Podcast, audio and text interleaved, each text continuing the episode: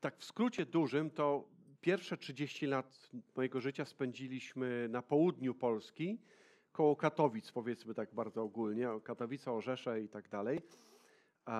Teraz minęło kolejne 30 lat, czyli łatwo policzyć, ile mam lat, to tyle mieszkaliśmy w Giżycku. Ktoś powiedział, że to jak w raju.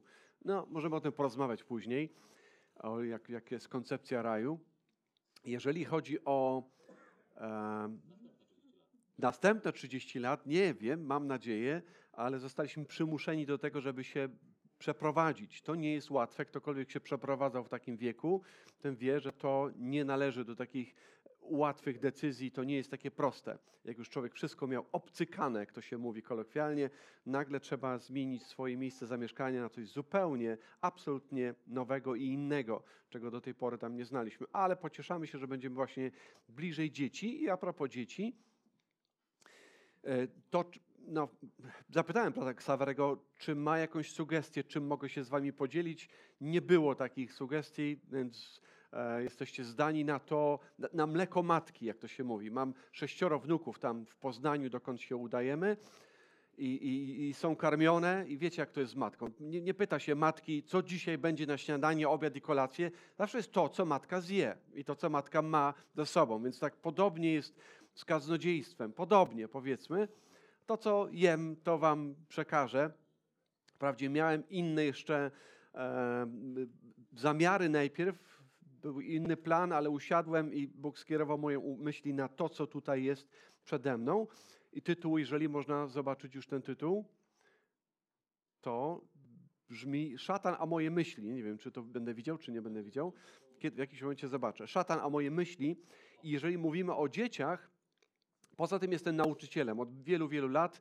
E, w tym roku pójdę już na urlop tak zwany.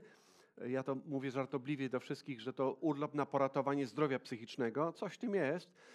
Um, idę na urlop i nie wiem, czy wrócę jeszcze do szkoły, bo już mam jakby dosyć uczenia.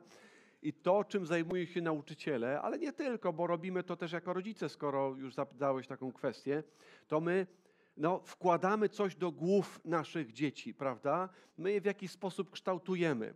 I to naprawdę nie musi być wielka lekcja, że chodź tutaj, teraz się pouczę o życiu, tylko to są to jest tłuczone kolano, to jest jakaś, jakieś niepowiedzenie w szkole, jakieś trudności w ogóle i rozmawiamy. I rozmawiamy, prawda? No i co właśnie wkładam do głów moich dzieci, czy to w domu, czy w szkole? I robimy to chyba ciągle. Piotr jest tutaj z nami na miejscu, może to potwierdzić, że tak to mniej więcej wygląda.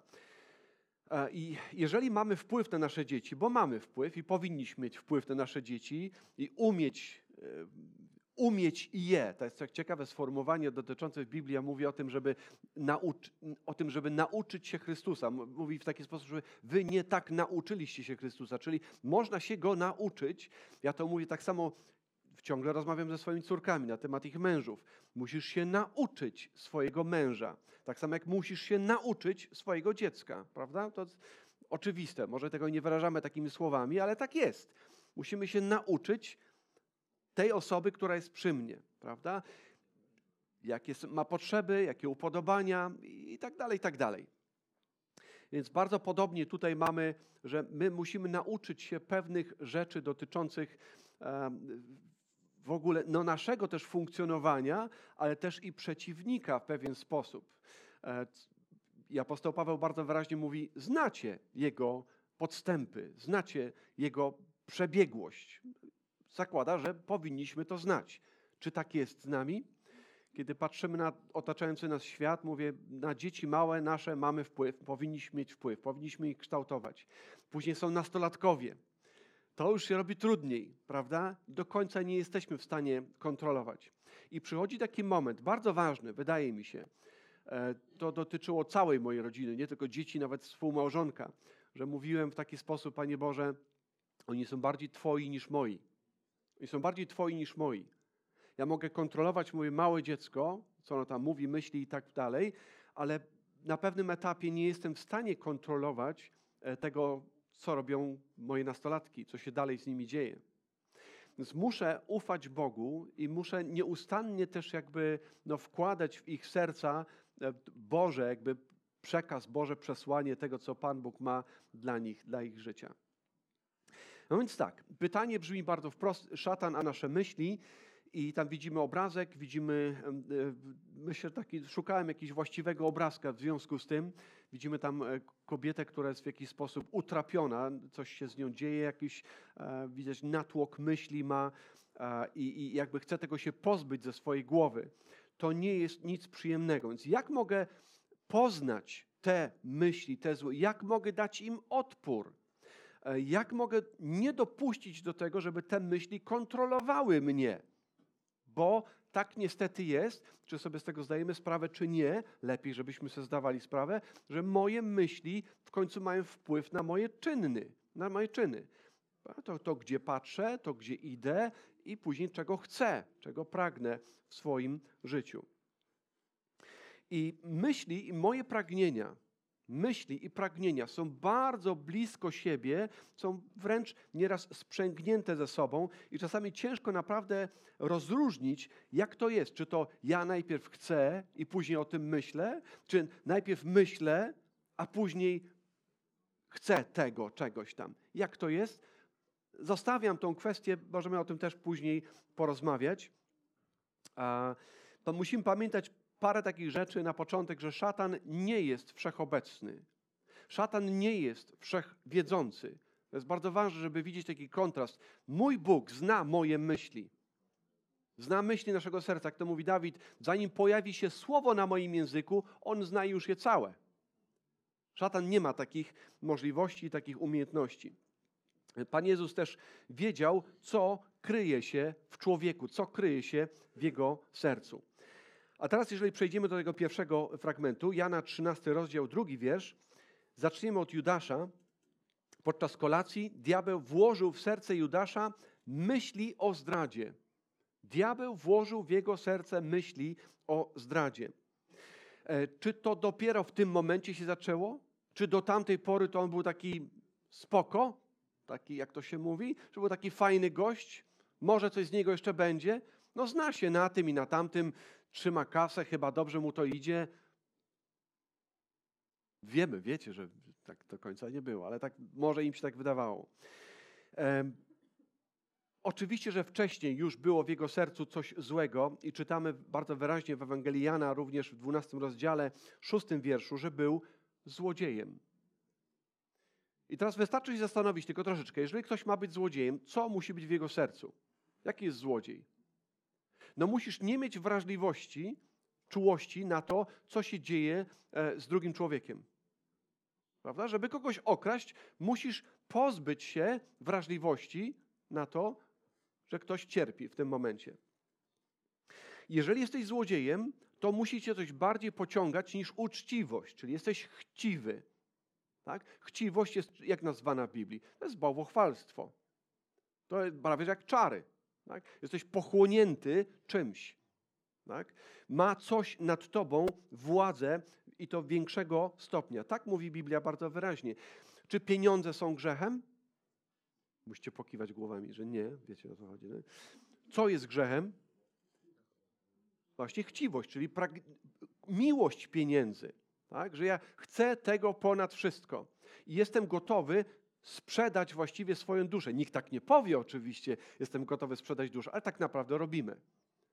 Jeżeli pieniądze biorą nade mną górę. I taki był właśnie Judasz już wcześniej, chociaż szedł za Jezusem, chociaż siedział przy nim przy stole, doszedł tak daleko z Jezusem, ale jednak szatan był w stanie włożyć w jego serce myśli o zdradzie, myśli o tym, że coś będzie dla niego bardziej korzystne niż zaufanie Jezusowi, zaufanie Mesjaszowi.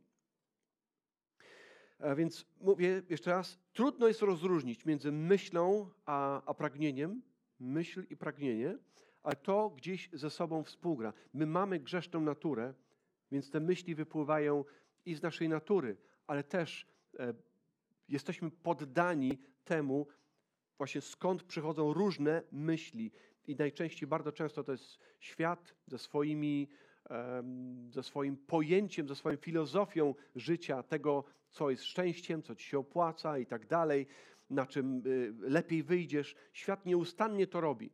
Zobaczcie, jeżeli toczy się teraz wojna, jedną z głównych rzeczy to nie jest tylko zabijanie ludzi, ale jedną z rzeczy to jest na przykład zdobyć wpływ na ludzi, czyli zdobycie radiostacji jakiejś telewizyjnej czy radiowej, mieć wpływ na ludzi, tak? sprzedawać im swoją prawdę w cudzysłowie. Prawda? To jest bardzo ważne w ujęciu, czy to się dzieje w Afryce, tak było e, Tutsi, Hutu, tam radio również, gdzie cockroaches, tak, tam leciało przez cały czas ci karaluchy. Trzeba było po prostu poniżyć tą drugą stronę, poniżyć drugą stronę. To samo dzieje się teraz. To samo dzieje się teraz. I my też musimy uważać, czy przypadkiem nawet o wrogach nie myślimy w sposób degradujący i poniżający e, godność ludzką w ogóle. Tak? Ale to jest inny temat, nie chcę tego roz, rozciągać. To była Ewangeliana 13 rozdział, to było o tym, co szatan wzbudził w sercu Judasza. Ewangelia Mateusza 16 rozdział i 23 wiersz, to jest zaskakujące. E, ci dwaj ludzie mogli skończyć podobnie. Mówię o Piotrze i Judaszu. Oni mogli skończyć podobnie. Piotr mógł skończyć bardzo podobnie jak, jak Judasz. Piotr mógł też tak skończyć. Piotr też zawiódł. Piotr obiecywał, Piotr uważał, że ma kontrolę nad tym wszystkim, chciał nad tym mieć może kontrolę, ale stracił tą kontrolę. I nagle dzieje się najgorszy dla niego scenariusz, a mianowicie Jezus pomaga swoim wrogom, pomaga im właściwie w aresztowaniu go i poddaje się temu całemu procederowi. Tak nie może być. I ten Piotr, który był taki dzielny i który e, w wielu momentach pierwszy wiedział, co ma zrobić, gdy trzeba było zrobić coś szalonego, wyjść z łódki, chodzić po wodzie, on, proszę bardzo, Piotr, gotowy jest. Ale jest też taki moment, i to jest ten moment, kiedy, kiedy zapiera się Chrystusa przed zwyczajną, prostą służącą. To nie był żołnierz, to nie był jakiś wielki kat, który na nim zawisł. To była zwykła, prosta dziewczyna, która gdzieś tam usługiwała. No i o, ty jesteś z Galilei. Nie, nie, nie, nie, nie, bez przesady. Ja nie, nie znam go. Zapiera się. Ale to nie był pierwszy raz. Był też inny moment w życiu Piotra, tak jak tu widzimy na, na ekranie. 16 rozdział, 23 wiersz. I to było tuż po wielkim wyznaniu Piotra. Taki dostojny, wielki moment. Z tego moglibyśmy jeszcze inne kazanie bardzo ciekawe opowiedzieć, jak to jest w życiu wielu ludzi, kiedy wspinają się na szczyt i potem spadają. I Pan Bóg z jakiegoś powodu na to pozwala. Po to, żebyśmy, no właśnie, co? Żebyśmy nauczyli się Jemu, wyłącznie Jemu ufać i patrzeć na Niego, a nie na siebie. Ale to jest inne kazanie. Teraz patrzę tutaj na Piotra i patrzę na tę sytuację, więc Piotr mówi wielkie wyznanie, kim jest Jezus, a Pan, Pan Jezus mówi, że musi odejść. Musi iść do Jerozolimy, musi cierpieć, musi umrzeć.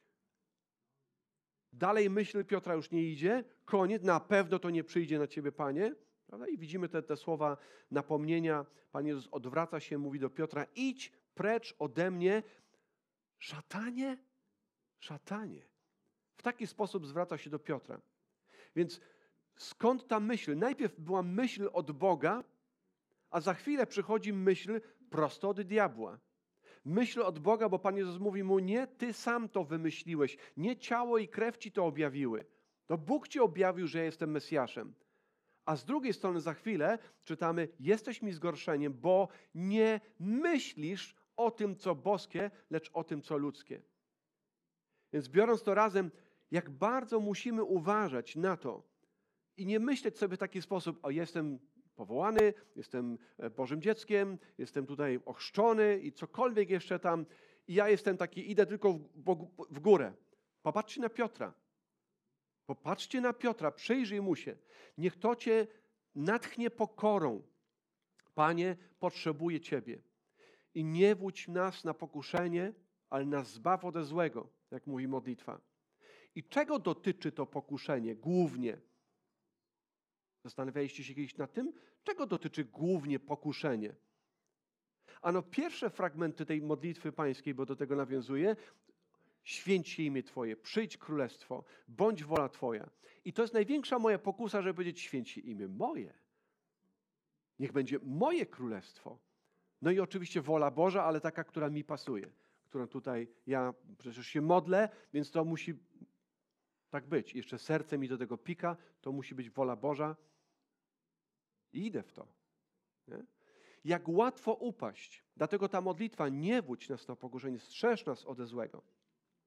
Idźmy dalej, bo ja mam tendencję, im starszy jestem, to dłużej gadam. Oprzedzam. Niestety. E, więc jeżeli mamy taką naturę, to jest tak jakby wycieraczka przed naszym domem. Mamy macie takie wycieraczki, nie wiem, polskie wycieraczki wszystkie mają napis welcome. Nie wiem dlaczego. Polskie mają, może, może się nie mieści po polsku, nie wiem dlaczego. Ale to jest tak jakby taka wycieraczka, która zaprasza diabła dalej. Proszę bardzo. Tak? Jeżeli myślisz o sobie za dużo, jeżeli myślisz, że ty to na pewno dasz radę, ach, tam ci inni nieudacznicy, oni zawsze tacy za szybcy, albo za wolni, albo cokolwiek tam, ale ty dasz radę. Uważaj, uważaj. Zobacz, jak Pan Jezus mówi do Piotra. Idźmy dalej. Efezjan 4, rozdział 26 wiersz.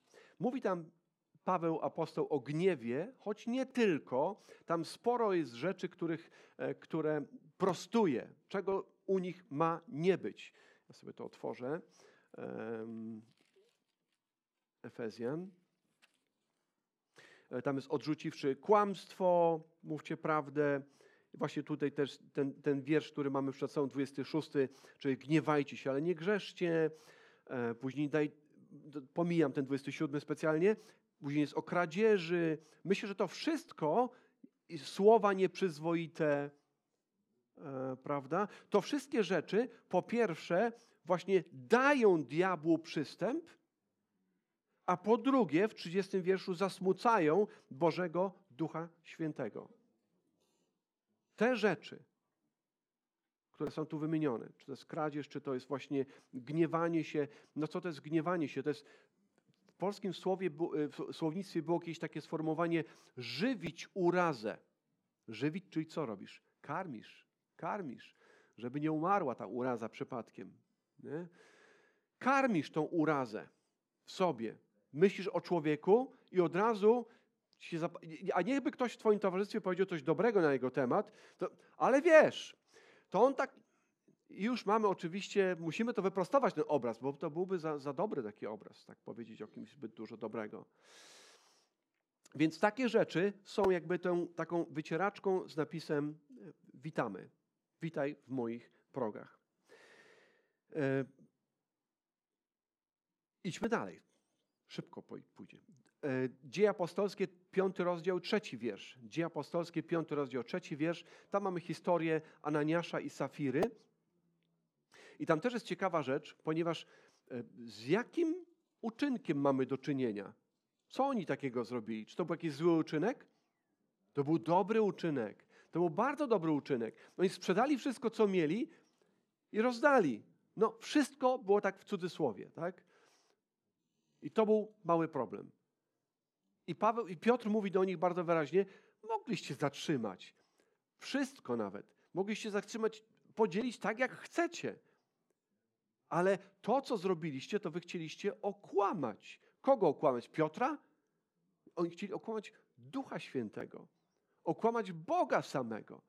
To jest strasznie głupie. Najgłupszą rzeczą w życiu, jaką może zrobić chrześcijanin, to jest udawać, inaczej mówiąc. Udawać, stwarzać pozory swojej pobożności, swojej szczodrości, swojej dobroci. Stwarzam pozory. To jest jedna z najgorszych rzeczy, jakie możemy zrobić. Znowu, wycieraczka przed moimi drzwiami. Welcome. Witam w moich progach.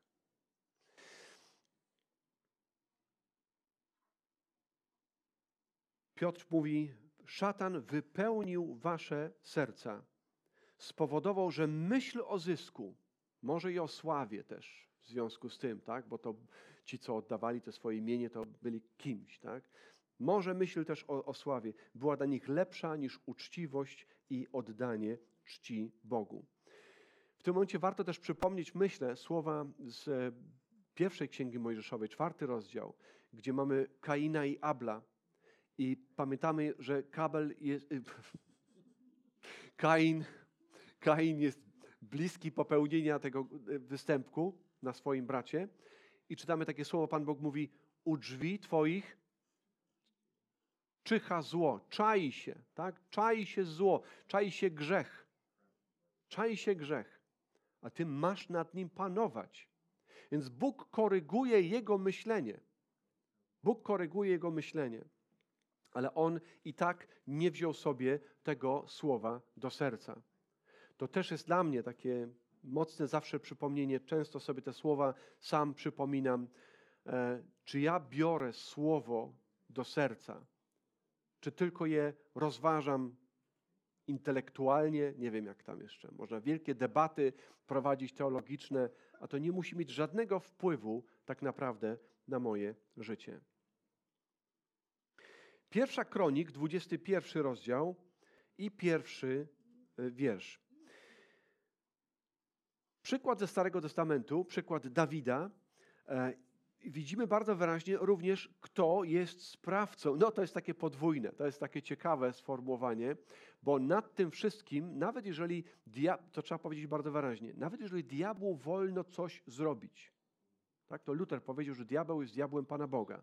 W tym sensie, że Pan Bóg ma kontrolę nad, nad wszystkim, tak jak dzisiaj Ksawery mówił również o tym, tak samo, czy to są wypadki, i tak samo, jeżeli widzimy wyraźnie, że tutaj w jakiś sposób diabeł dotyka, oczywiście, że mamy prawo i powinność nawet sprzeciwiać się diabłu, ale musimy mieć tą świadomość, że on czas, czasami jest mu wolno.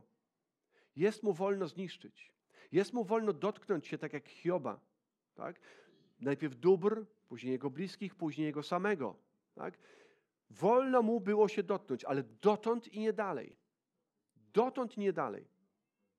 Musimy o tym pamiętać. I teraz tak, 21 rozdział czytamy tak. Wtedy wystąpił szatan przeciwko Izraelowi, pobudziwszy Dawida do tego, aby policzył Izraelitów. Że o czym myślał Dawid? Prawdopodobnie miał jakieś myślenie militarne, strategiczne. Jaką mam siłę? Jaką siłą dysponujemy? Chciałbym to wiedzieć. Tak? To jest jedna z ważniejszych rzeczy, do tego też nawiążę na końcu. E, bardzo ważne, że poczucie bezpieczeństwa, poczucie mojego bezpieczeństwa, tak, polega również na tym, że wiem, ile mam zdrowia, pieniędzy, czasu i tak dalej, i tak. Kiedy coś mi się kurczy, czy to jest zdrowie, czy to są pieniądze, czy to jest czas, cokolwiek, kurczy mi się, zaczynam się denerwować. Nawet taka prosta rzecz, jak się jedzie samochodem i ja tak mam często, przeszacuję i kończy mi się paliwo. Myślę, tu za, za drogo, jeszcze kawałek dojadę, przecież i za chwilę zaczyna się denerwować człowiek, tak? Tracisz poczucie bezpieczeństwa, bo ci się coś kończy. Dawid chciał wiedzieć, ile, ilu, na ilu ludziach może polegać, jeżeli chodzi o jego siłę. Jeżeli chodzi o jego siłę. To jest coś, co my nieustannie robimy w naszym życiu. My ciągle szacujemy swoje zasoby, powiedzmy tak bardzo ogólnie, które dają nam poczucie bezpieczeństwa. To może być wygląd. To może być wygląd, to może być ubiór albo to, jak ja wyglądam. Cokolwiek to jest, uważaj na to, żeby to nie wzięło nad tobą góry, jak to mówiliśmy wcześniej. Dobrze, ale tutaj Dawid. Dawid, on myśli o, o swoich militarnych zasobach i tak dalej, ale tak naprawdę szatan włożył w jego serce myśl o tym, żeby nie polegać na Bogu, żeby nie ufać Bogu. Nawet Joab, Joab to też kolejne osobne kazanie, bardzo ciekawa postać.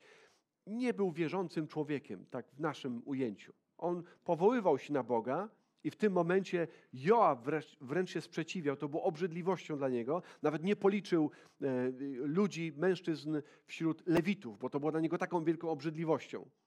No ale Dawid kazał i reszta ludu była policzona.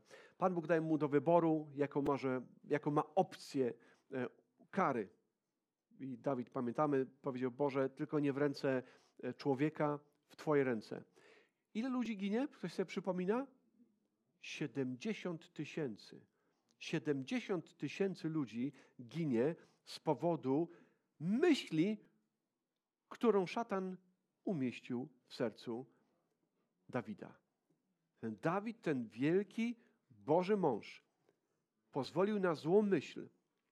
I ta myśl pociągnęła za sobą konsekwencje. Troszeczkę rozwinę, troszeczkę. Rozmawiam ostatnio niedawno, rozmawiałem z kimś. Dwie rzeczy nam się pojawiły. To małżeństwo, kwestie małżeńskie akurat teraz, pozwólcie. Była mowa o tym, czy można w ogóle w małżeństwie wspominać o rozwodzie. Ja mówię, broń Boże. Nie może coś takiego paść w ogóle, w jakiejkolwiek nawet żartobliwej, już nie mówię poważnej, jakiejś argumentacji. Co? Bo jak nie, to rozwód. Nie wolno nam dopuszczać do takiej myśli. Nigdy. Druga rzecz jest taka, to dotyczyło też relacji małżeńskich, e, podejrzewanie o nieuczciwość. Podejrzewanie o nieuczciwość. Że a ty mnie oszukałeś albo oszukałaś na czymś tam. Jeżeli pytasz, pytacie się mnie, gdybyście się mnie zapytali, to ja już to uprzedzę to pytanie. W naszym małżeństwie nigdy nie miałem takiej, takiej myśli, że moja żona mogłaby coś robić za moimi plecami niewłaściwego. Owszem, kupiła jakieś tam pewne rzeczy, wydała, ja powiem, nie kupuj tego, ona kupiła, ale to są śmieszne tam, drobiazgi. Mamy do siebie pełne zaufanie. Mamy do siebie pełne zaufanie. Nie mamy podejrzliwości, że, że ktoś mnie na czymś tam oszukuje w jakiś sposób. Możemy o wszystkim szczerze rozmawiać zawsze. I tak samo rozmawiamy ze swoimi dziećmi. Szczerze. Tak jak jest. Myślę, że to jest bardzo ważna rzecz, tak nawiasem, ale te, ten, takie podskryptum to jest często istotne w książkach. Więc to było z Dawidem. Teraz przejdźmy na chwilkę do y, Ewy, do Ewy i tu mamy drugi list do Koryntian, 11 rozdział i trzeci wiersz. Z Adamem i Ewą musimy mieć świadomość, była jedna różnica, różnica, różnica zasadnicza. A mianowicie oni nie mieli złych uwarunkowań, złego e, oprogramowania. Tak? tak jak my rodzimy się, tak jest powiedziane w Biblii, w grzechu, ale to znaczy w tym w sensie, że jesteśmy zaprogramowani na grzech. Nasze serca są zepsute od, od naj, najmłodszego.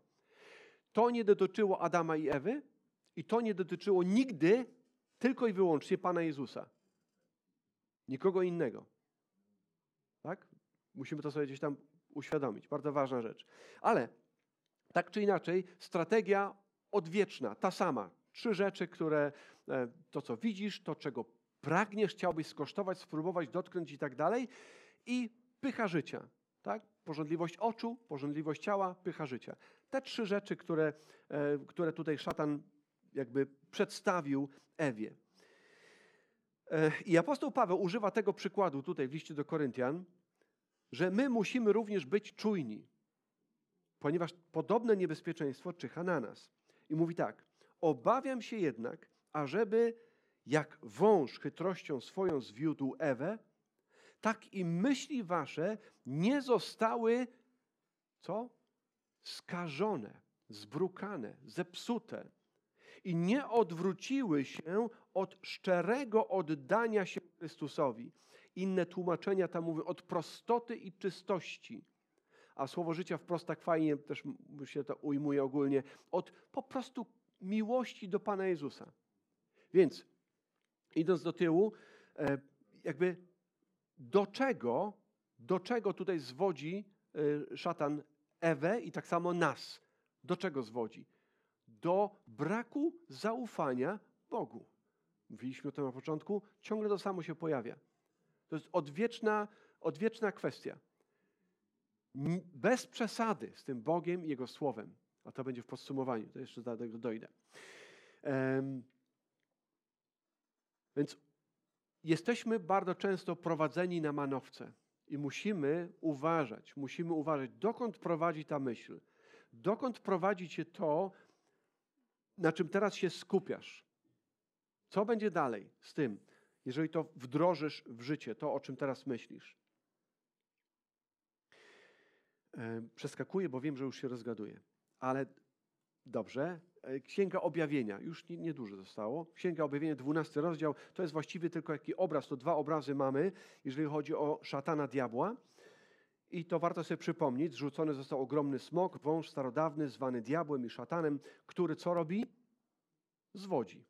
Zwodzi cały świat. I on został zrzucony na ziemię, zrzuceni też zostali z nim jego aniołowie.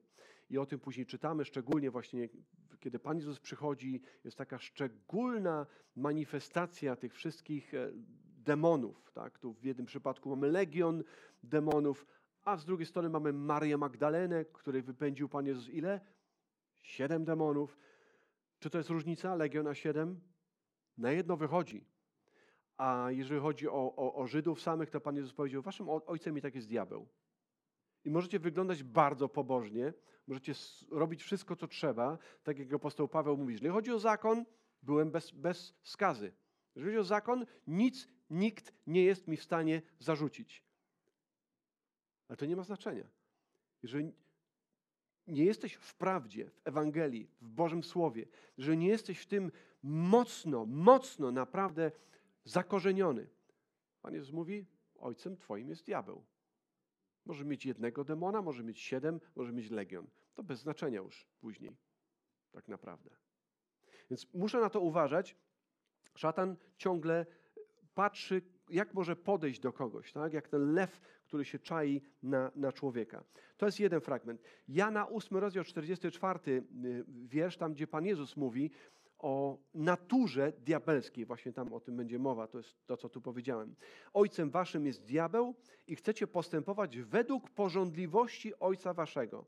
On był mężobójcą, czyli mordercą od początku i wprawdzie nie wytrwał. Myślę, że to słowo wytrwał też jest bardzo poważne, bo Pan Jezus będzie do tego nawiązywał wiele razy w 15 rozdziale o trwaniu, trwaniu, tym krzewie winnym. A on wprawdzie nie wytrwał. Gdy mówi kłamstwo, mówi od siebie, bo jest kłamcą i ojcem kłamstwa. Więc to cechowało go od samego początku i myślę, że warto jeszcze podkreślić coś takiego, wtedy chyba nie było takich słów, ale dzisiaj jest coś tak, takie słowo jak półprawda. Półprawda. I to jest bardzo atrakcyjne słowo, bo to nie jest takie kłamstwo, tylko to jest takie półprawda. Tak? Tu musielibyśmy wymienić mnóstwo dziedzin naszego życia, gdzie te półprawdy niestety funkcjonują. I to jest moja, też moja modlitwa, moja osobista modlitwa, kiedy patrzę na Hioba, kiedy przyjaciele mówili o Bogu, oni mówili o Bogu, mówili o Bogu. Czy mówili dobre rzeczy? Bardzo dobre rzeczy. To, tam ciężko się przyczepić do czegoś. Ale Pan Bóg, kiedy podsumowuje tych przyjaciół, mówi: Oni nie mówili prawdy o mnie. Oni nie mówili prawdy o mnie. I to samo może dotyczyć wielu, wielu pobożnych ludzi, w takim sensie religijnych ludzi, tak? którym się wydaje, chodzę do kościoła, jest wszystko ok, powinno być, wszystko, wszystko powinno grać. Muszę badać moje serce. Muszę badać nieustannie moje serce, czy przypadkiem nie zgadzam się na półprawdy. Półprawdy, bo półprawdy to już jest kompromis. To jest kompromis. To już pozwalam na to, żeby diabeł włożył tylko taką nogę tak, w drzwi. Troszeczkę, pogadamy. Później go spławię. Nie ma takiej opcji. Albo jesteś całościowo za Chrystusem, albo nie. No, ze względu na wiek dacie mi jeszcze chwilę powiedzieć. Tak? Jedna taka rzecz, a propos właśnie, a propos tych wypraw e, Nehemiasza na Ukrainę, jest coś, za czym moje serce osobiście, nie wiem, czy tak inni się z tym zgodzą, moje serce za tym, w jaki sposób gdzieś tam e, jestem taki niespokojny. Siedząc sobie spokojnie w domu, jestem niespokojny. Dlaczego? Dlatego, że tam jest walka. Tam jest walka. Tam o coś oni walczą. Oni ryzykują życiem. I jeżeli jesteśmy uczciwymi, ja nie wiem jak kobiety, no ale faceci tak mają, że chciałbym uczestniczyć w czymś, co ma sens. Chciałbym uczestniczyć w bitwie, która może i powinna być wygrana. Oczywiście ten ludzki wymiar, tu ja nie mówię o tym, że ja chcę iść na wojnę i będę strzelał do ludzi, nie, nie mówię o tym. E, mówię o tym, że chcę brać udział w czymś, co ma sens przed Bogiem. Bóg nas powołał do pełnego zaangażowania. Bóg nas powołał, mówi, będziesz miłował Boga z całego serca, Z całego serca, z całej siły, z całej duszy, z całej myśli swojej.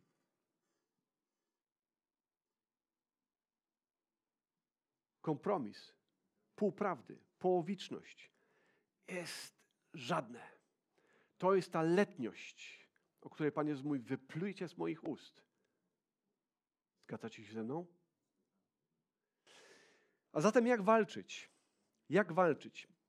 Do Tymoteusza Paweł napisze takie słowa e, porady, tak? jak ma zwracać się do ludzi, zwróćcie uwagę, co się z nimi dzieje. On ma ich napominać z łagodnością. Ja odczytuję to w taki sposób. Czy ja daję się napominać? Czy pozwalam na to, żeby Słowo Boże mnie napomniało, jakiś człowiek mnie napomniał?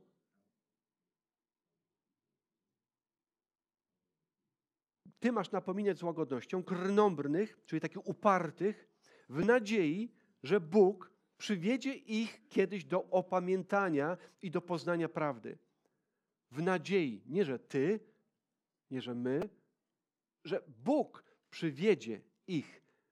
Czyli wkładasz w ich głowy myśl, Bożą myśl. Wkładasz w ich serca inny obraz, inną perspektywę.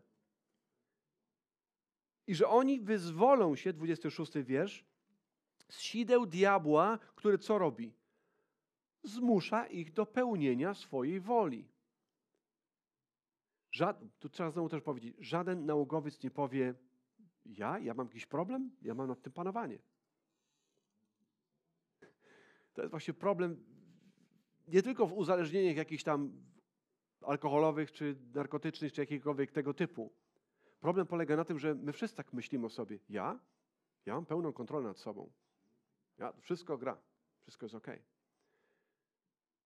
Myślę, że nieraz musimy, powinniśmy uderzyć się w pierś. Boże, Boże, jak ja bardzo potrzebuję Twojej kontroli nad całym moim życiem. Potrzebuję, żeby moje serce całe było oddane Tobie. Bo ja sam nie potrafię tego zrobić z siebie. Nie potrafię kochać tak, jak powinienem kochać. Nie potrafię nienawidzić grzechu tak, jak powinienem nienawidzić. Nie potrafię sam z siebie tego zrobić. Więc w jaki sposób e, szatan łapie swoich niewolników? Tam mam takie proste kilka punktów. Mianowicie przekonuje właśnie to, co wspomniałem już wcześniej, że nie warto aż tak mocno przejmować się Bożym Słowem. Przeczytałeś jeden werset dzisiaj? No, wystarczy tam. Później po południu ktoś pyta, a co dzisiaj czytałeś rano? Nic co, nie pamiętam. Nie pamiętam. A co czytałeś w tym tygodniu? A też nie pamiętam. To jeżeli tak to wygląda w moim życiu chrześcijańskim, to coś tu jest nie tak chyba. Chrześcijanin z definicji powinien być ktoś, kto jest przesiąknięty Bożym Słowem. Przesiąknięty Bożym Słowem. Tak naprawdę to, to nie dotyczy tylko kaznodziejów, to dotyczy matki, ojca, kiedy rozmawiam z dziećmi. Jeżeli nie jesteś przesiąknięty Bożym Słowem, to nie będziesz rozmawiał przez psalmy, hymny i pieśni duchowne, jak mówi Słowo. Jeżeli nie znasz pieśni, to nie będziesz jej śpiewał. Jeżeli nie znasz słowa, to nie będziesz nim obracał, rozmawiając ze swoimi dziećmi. Nie tylko wykładając im swoją mądrość na ten temat, ale co słowo mówi. Bo to słowo ma autorytet, nie ja. Zgadzacie się, prawda? Na pewno. Słowo, Bóg. Podejście, jak on to robi? Podejście do grzechu. To jest jak sól. A odrobinka to tylko dodaje smaku. Ależ tam, troszeczkę. E, trzecia rzecz. Sprawiedliwość nie zawsze się opłaca. Nie przesadzajmy z tym. Tak? Nie musisz na to patrzeć. To nie Twoja sprawa. Odwróć oczy od tego. Nie dzieje się tak? Kończąc, dwa ostatnie fragmenty z listu do Efezjan.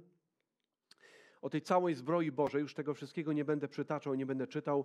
Pamiętamy pas prawdy, pancerz sprawiedliwości, buty świadectwa, tarcza wiary, przyłbica zbawienia, miecz ducha, czyli Słowo Boże, modlitwa. Zobaczcie, jak prawie każdy z tych elementów w jaki sposób jest zazębiony z Bożym Słowem.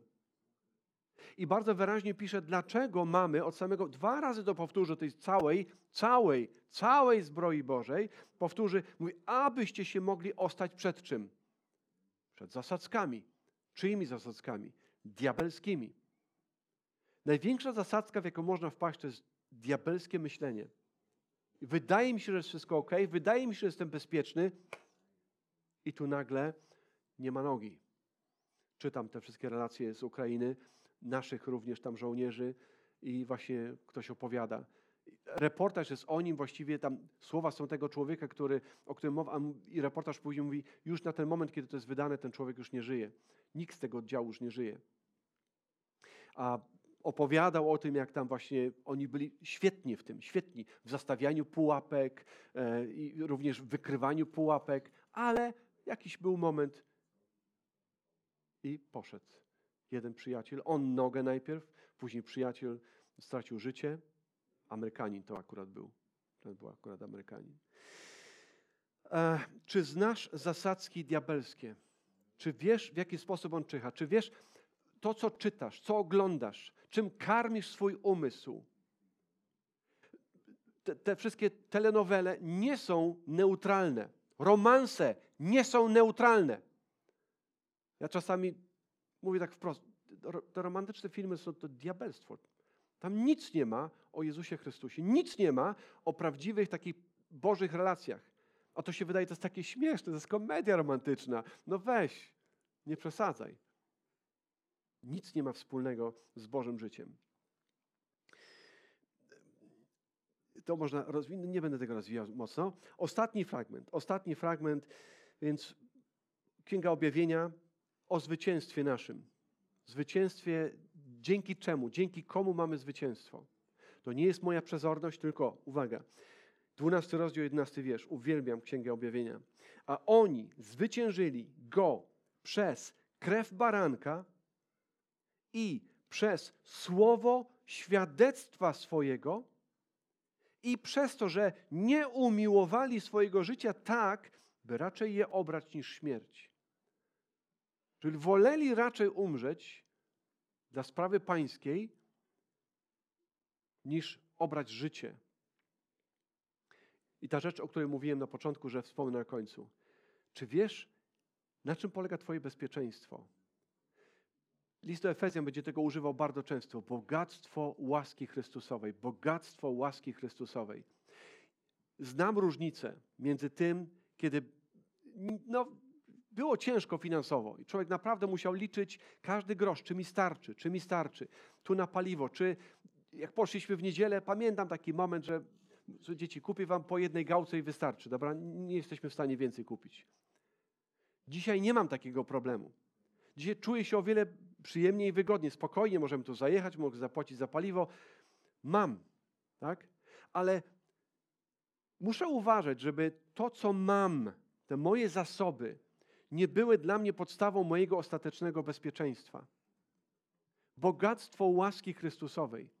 Czy to jest wystarczające do tego, żebym czuł się bezpieczny?